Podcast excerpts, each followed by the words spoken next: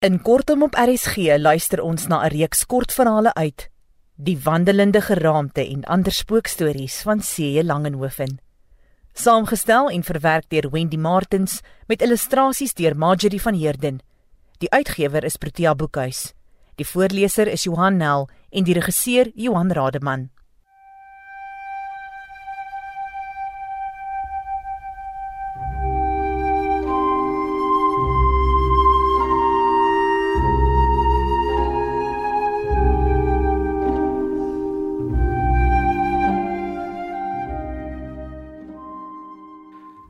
Die spook van vergeleë.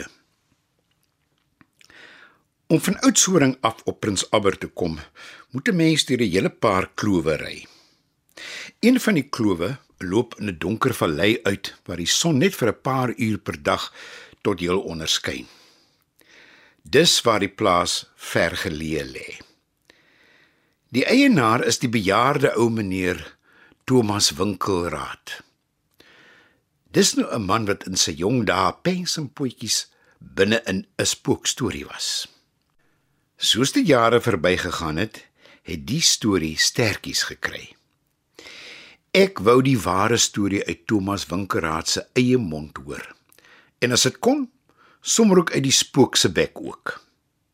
So gebeur dit dat ek 'n paar maande gelede by hom gaan kuier. Thomas Winkeraad ontvang my met regte boere gasvryheid. Hy is skraal en spierwit grys met 'n eeubaartjie. Al is hy 88, is hy regop en fluks met 'n stewige handdruk en 'n vlamskerp verstand. Sy vrou is vet en vrolik. Daar's ook 'n seun en 'n skoondogter en 'n paar kleinkinders. Maar soos dit 'n goeie spookwetenskaplike betaam, het ek net oë en ore vir die spook. Die aand wonder ek nog hoe om ou meneer Winkelraad in die praat te kry. Toe trek hy los en vertel dat die bissies bewe. Hierdie storie is presies soos hy dit vir my in daardie einste spookhuis vertel het. Ek het niks bygelas nie en hy het niks uitgelos nie. Kerniels Jy is seker 'n man wat jou geld in die bank bære. Toe ek jonk was, het 'n mens jou geld by jou in die huis gehou. Net soos ek dit vandag nog doen, in 'n bokvel sakkie binne in my ou groen kus onder die kooi. Maar glo my iewers op hierdie plaas lê meer goue ponde begrawe as wat jy kan tel. As ek maar net geweet het waar Osias van der Meule wat die eienaar voor my was, dit weggesteek het. Ek het gesoek, my seun het gesoek en ander voor ons het gesoek, maar 'n skoon veld. Osias was 'n regte frek. As hy 'n rukstaalder uitgegee het, het hy 'n week lank siek gelê van bekommernis. Hoe ouer hy geword het, hoe meer agterdogtig het hy geword. Later het hy al sy plase behalwe vergeleë verkoop en die geld, alles goue ponde, begrawe. Die ou het stoksiel alleen op die plaas gewoon. Net sy veewagter Namakwa het 'n end van die plaashuis afgebleik. Een oggend toe Namakwa by die huis opdaag, is die voordeur oopgebreek en Osias mors dood. Iemand het hom met 'n stuk hout oor die kop geslaan en die hele huis en die werf opgegrawe. Enig iemand kon sien die inbreker was op soek na die geld, maar het nie geweet waar die bære plek is nie. Namakwa het die polisie laat kom en hulle het die spore gevolg tot aan die kant die kloof. Maar daar het dit doodgeloop. Hulle was seker die inbreker het meer as een paar velskoene gehad om sy agtervolgers te mekaar te maak. Jy moet onthou, toe was daar nog nie speurhonde nie. Die volgende dag pak Namakwa op. Hy weier om 'n dag langer te bly. Osias spook so dat geen mens dit kan hou nie. Eers steur niemand hulle aan die storie nie. Die landros huur iemand om die plaas op te pas, maar hy trek vinniger uit as wat hy ingetrek het. Daarna kom nog 'n paar agies Hulle breek omtrent hulle bene so haastig as hulle om weg te kom. Toe bly vier konstabels 'n nag in die spookhuis oor. En skielik gebeur daar niks. Ook kan wonder nie. Hulle sit heel nag kiers regop met 'n vuur en drie kersse. Watter ordelike spook sal homself nou met so 'n spulletjie besig hou? Uiteindelik word die plaas op 'n veiling aan 'n neef verkoop. Osias jaag die arme man omtrent die skrik op die lyf. Hy word in een nag spierwit grys. Toe die plaas kort daarna weer in die mark is, skaf ek dit teen 'n appel en 'n ei aan met die skat wat iewers begrawe lê. Destyds was ek nog jonk en wild. Ek was nie van plan om my diere spook uit my eie huis te laat boer nie. Ek klim op die eerste beste trein Kaap toe om 'n regter te gaan sien. Ek wil 'n hofbevel teen oorlede Osias se spook hê. Die ding moet weet as hy sy voete of pote of sleepsel of wat die spook ook al het op my werf sit, is daar moeilikheid. En daar lag die regter my uit. My liewe vriend, sê hy. En wat wil jy hê moet ek doen as jou spook hom nie aan my hofbevel stuur nie? Wil jy hê ek moet hom laat vang en in die tronk stop? Wie dink jy gaan keer dat hy nie deur die tralies glip nie? Laat ek nou vir jou raad gee. Gaan terug plaas toe en vergeet van die spook. Dan sal jy sien, hy verdwyn sommer van self. Nou ja, meneer, sê ek. Ek sal jou raad volg. Maar ek wens jy kon saamgaan om met jou eie oë te sien wat op vergeleë aangaan. En so is ons as goeie vriende uitmekaar. Terug op vergeleë is dit net ek en my perd en my geweer. My perd is ook sommer dadelik senuweeagtig. Hy snork en wil die hele tyd onder my uitvlieg. Al kan 'n mens nou nie op 'n spook skiet nie, gee die geweer my daarom vertroue. Ons is skaars op die werf of 'n ding sleep oor die stoep. My perd bewe sodat hy nie 'n tree verder kan loop nie. Ek moet hom teruglei en afsaal en in 'n kamp los.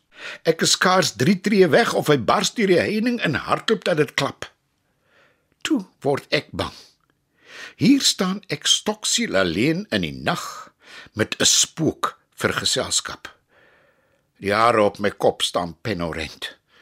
Langs my ritsel iets onder 'n bos. Erns in 'n boom roep 'n uil. Boch, sê ek vir myself. As die son skyn, is die diere van die veld my vriende. Vir wat sal ek dan nou vir hulle bang wees? En toe stap ek so vinnig as wat ek kan huis toe, steek 'n kers aan en haal 'n stuk brood uit. Ek wil nog aan die brood hap. Toe gaan die agterdeur oop en ek hoor 1 2 3 voetstappe in die kombuis voordat die agterdeur weer toemaak. Ek vlieg op en rig my geweer op die kombuis. Ek staan en staan, maar daar gebeur niks. Later voel my arms soos lood. Basta, sê ek vir myself, gryp 'n kers en bars by die kombuis in. Hmm, daar is niemand. Die agterdeur is toe. Net die venster se knip is oop. Kort daarna hoor ek die voordeur oopgaan. Ek hardloop tot by die middeldeur net betyds om te sien hoe die voordeur toegaan. Weer is daar niemand. Dalk is dit tyd om buite rond te kyk, dink ek. Hierdie ding is banger vir my as ek vir hom. Ek stap oor die werf en net bo kan die sloot kry ek 'n vars hoop grond. Langs die hoop lê 'n graaf. Die spookgeheim is opgelos. Dis Osias se inbreker wat besig is om hier na die skat te soek. Hy speel so waar spookspeletjies om mense van die plaas af weg te hou terwyl hy grawe. Terug by die huis eet ek my stukkie brood en gaan lê op die bank in die sitkamer. Dis nog 'n lang nag wat voor lê. Die maanlig maak dowwe patrone op die vloer. Skielik is daar 'n wolkie in die vertrek. Lyk amper soos 'n rookwolkie met 'n fatsoen. Stadig maar seker word dit digter tot daar 'n mens se gedaante staan. Ek kan die stoelpote dwars deur hom teen die ander kant se muur sien. Sy klere en hande en voete en kop word helderder. Hy sukkel stadig om op te staan en draai na my toe.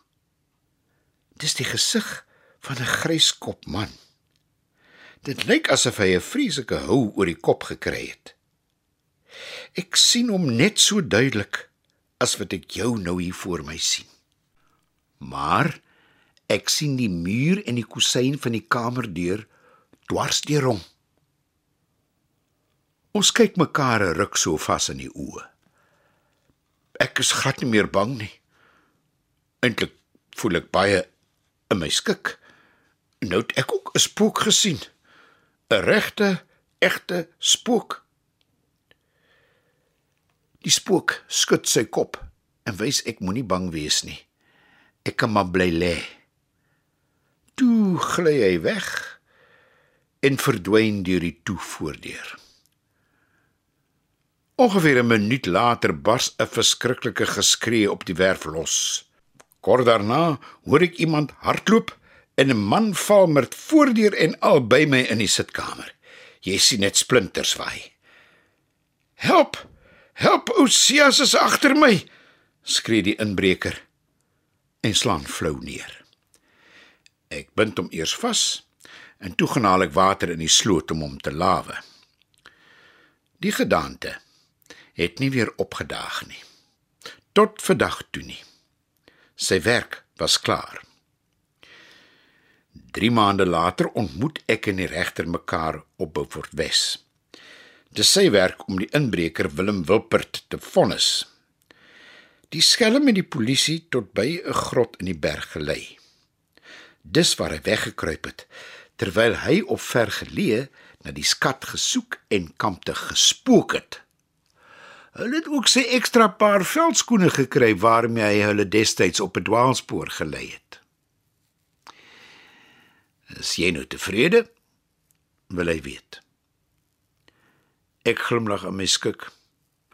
Nou moet regter net nog by my op vergeleë kom kuier, sê ek. Die spooke is weg, maar die skat is nog daar. Hou maar net aan ploeg, my jong vriend sê. Jy sal die skat kry in die vrugbaarheid van jou grond. En daardie skat het ek gekry. Genoeg vir my en my kinders en almal na ons.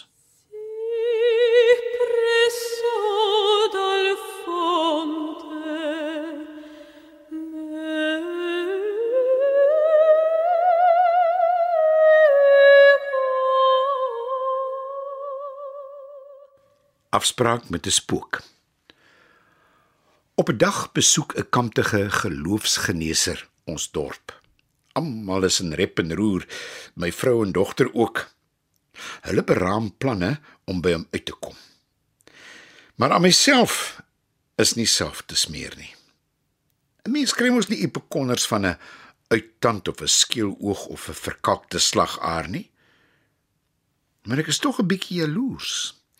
Almal raak so op 'n simpele manier van hulle kwale ontslaa terwyl ek met myne opgeskep moet sit. Maar die geluk is aan my kant. Kort op die kamptige geloofsgeneeser se hakke volg 'n ander wonderwerker. Of moet ek eerder sê wonderwerkster, want dis 'n vrou. Jy betaal haar 'n paar pond om 'n floute te kry. Terwyl sy flou is, gee sy vir jou 'n boodskap van jou oupa of ouma of wie ook al se spook. As spookwetenskaplike kan ek mos nie hierdie kans deur my vingers laat glip nie. Daarom gaan kyk ek saam met die res van die dorp wat sy in die stad sal aanvang. Nadat sy vir omtrent 10 mense boodskappe van spooke afgegee het, kyk sy skielik in my rigting. Daar staan een net agter jou, sê sy. Wie? vra ek. Jou oupa grootjie, sê sy. Hoe weet jy dit? Hy sê so. Ek is bly jy is so seker daarvan. Hy is die stamvader van die Langenhoofens uit die 1600s.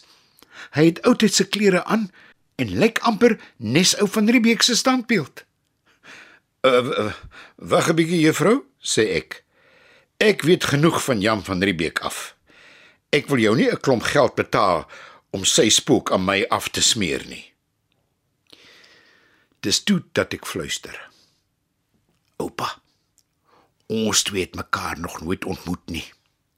Maar as daar een ding is wat ek van jou geërf het, is dit spaarsamigheid.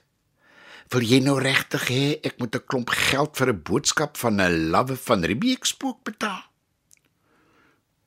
Nielsie, ek sien jou punt, sê oupa. Ek ken jou. Al ken jy my nie. Ek sal jou nie deur 'n fortuinsoeker laat kil nie. Ek sal sonder haar met jou kom gesels sommer vannag nog. Verwag my om 12 uur. Totsiens ou seun. En toe skrik ek. Want sien, ek was alleen by die huis. My vrou en dogter was strand toe om van die kamptige geloofsgeneesers se manewales te herstel. Intussen hou die gehoor my dop. Hulle sien ek gesels oor my skouer met die spook, maar hulle kan nie kop of stert uitmaak wat ons vir mekaar sê nie. En toe meneer Langenhoven, wat het jy besluit? Por die vrou my aan. Kan ek vir jou 'n afspraak maak? Ons wil nie hê jou oupa grootjie se boodskap moet verlore gaan nie, wil ons? As my oupa grootjie my nie onder vier oë wou spreek nie, het ek jou genooi om vannag 12 uur by my huis te wees, sê ek. Dan kom jy my betaal. Maar wat ook al gebeur, ek sal 'n brief vir die burger daaroor skryf. Dan kan jy en almal wat hier is sommer self lees wat gebeur het. Om 'n lang storie kort te maak. Ek is toe daar weg huis toe. Ek is nie wat jy sou noem bang nie. Maar om onder helder ligte in 'n saal vol mense met 'n spook te praat is een ding. Om hom stoksel alleen by jou huis te ontmoet is 'n ander. Toe ek die stoeptrappies opklim, slaan die horlosie kwart voor 11. Ek maak die voordeur oop en skakel die lig aan. Maar dit bly stik donker. Ons ligte het 'n manier om ons in die steek te laat. Daarom sorg my vrou altyd vir 'n pak kersse. Ek snuffel die vuurhoutjies en kersse uit en steek 3 in die eetkamer aan. Ek gaan dan ook 'n stapel hout en maak 'n yslike vuur in die kaggel. Toe maak ek vir my en my hond Jakkals 'n bed voor die kaggel. As 'n mens alleen is, is 'n vuur en 'n hond net die regte geselskap.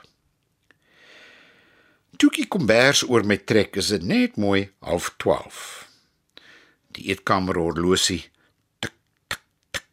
asof dit die gewoonste 12 uur in die hele wêreld is waarheen hy op pad is. Ek blaai deur 'n boek en begin lees. Skielik onthou ek dat die skrywer, Nes op 'n grootjie, ook lankal dood is. Ek gooi die boek neer asof dit 'n giftige slang is. My oog val op die horlosie. 7 minute voor 12. Ek gooi nog twee stompe op die vuur, maar hy is al klaar so groot dat hy in die skoorsteen dreun. Toe steek ek maar nog 3 kersse op en sit dit al ses op 'n ry rondom my lêplek. Jakkals maak sy een oog op 'n skreefie oop, waai sy ster een keer, sug, draai hom om en raak weer aan die slaap. Ek steek 'n sigaret op, maar my hand bewe sodat ek amper die koeltjie vuur in my oog steek. Met die eerste skyfie wat ek trek, kom dit by my op. Net nou dink op 'n grootjie. Ek mors geld as ek so 'n klomp kersse gelyktydig brand. Ek lê nog en wonder of ek die kers moet doodblaas. Toe kraai 'n haan skielik. Die horlosie begin 12 uur slaan. En 'n rukwind dwarrel deur die huis. Drie deure slaan kabam, kabam, kabam na mekaar toe. Jakkals vlieg op en begin knor. Ek hou die sydeur oop. Sal ek die deur vir oupa grootjie moet oopmaak of sal hy sommer dwars deur stap, wonder ek. Terwyl ek so na die deur lê en kyk, word hy al hoe dowwer sodat die knop later net effentjies blink. Ek draai om na die vuur. Die vlam word al hoe kleiner. Ek kyk om na die kersse. Hul vlammetjies flikker een vir een en gaan dood. 'n Paar oomblikke later is dit pikdonker rondom my. Al wat ek hoor is die horlosie wat tik tik tik. Jakkals wat hier langs my hyg en my hart wat doem doem doem slaan. Skielik sê 'n stem: "Corneels, ek is hier." Ek wou vir die ou sê hy is welkom, maar dit sou 'n lieg wees. Buitendien steek my woorde my keel vas. Na 'n rukkie praat oupa grootjie verder. Ek het donker gemaak, my seun, sodat jy my kan sien as jy omdraai. Maar ek kan verstaan as jy 'n bietjie skrikkerig voel. Daar is niks om voor bang te wees nie. Dis die skelm lewendes vir wie 'n mens bang moet wees. Wil jy omdraai en vir my kyk? Liewe nie nie nie nie oupa haklek. Reg so, my seun. Ek het so gedink. Ek weet mos jy het die Langehoven se verstand gekry. En omdat jy nou nie meer die donker nodig het nie, sal ek die ligte weer laat aangaan. Skielik vlieg die vuur en die kersse weer aan die brand. 'n Middag gaan die ou verder. Was 'n vuur of een kers genoeg? Maar tye het verander. Praat eers met jou hond. Dis nie nodig dat hy so bewe nie. Ek neem Jakkals in my arms en streel hom tot hy bedaar. Ek is heeltyd versigtig om nie na die kant toe te draai waar die stem vandaan kom nie. Al is die gedagte ook onsigbaar in die lig. Steek nou maar weer daardie nare ding op wat jy rook, my seun, sê oupa grootjie. Dit lyk my dit maak jou kalm. So ja. Jy hoef niks te praat nie. Luister net mooi. Vergeet van die dinge wat 'n mens nie kan sien nie. As mense kinders spooke moes sien, sou hulle spesiale oë gehad het om dit mee te sien. Maar nou het hulle nie. Gebruik eerder die oë wat jy het en kyk na al die wonderlike dinge rondom jou. Gebruik jou verstand en dink goed oor alles wat jy doen. Moenie dit mors om gedurig agter dinge aan te sniffel wat nie vir jou goed is nie. Maak seker jy weet alles oor jou eie lewe. Wees die beste wat jy kan wees. En maak sommer seker jy skryf 'n goeie brief vir die burger sodat almal kan lees wat ek gesê het. En dis net hier waar ek stop. Net nou kom kuier oupa grootjie weer om uit te vind wat ek geskryf het.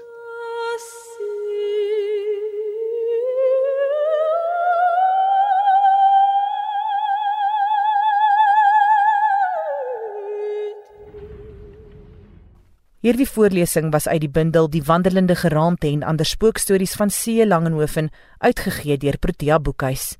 Die opname is beskikbaar as potgooi op www.rsg.co.za.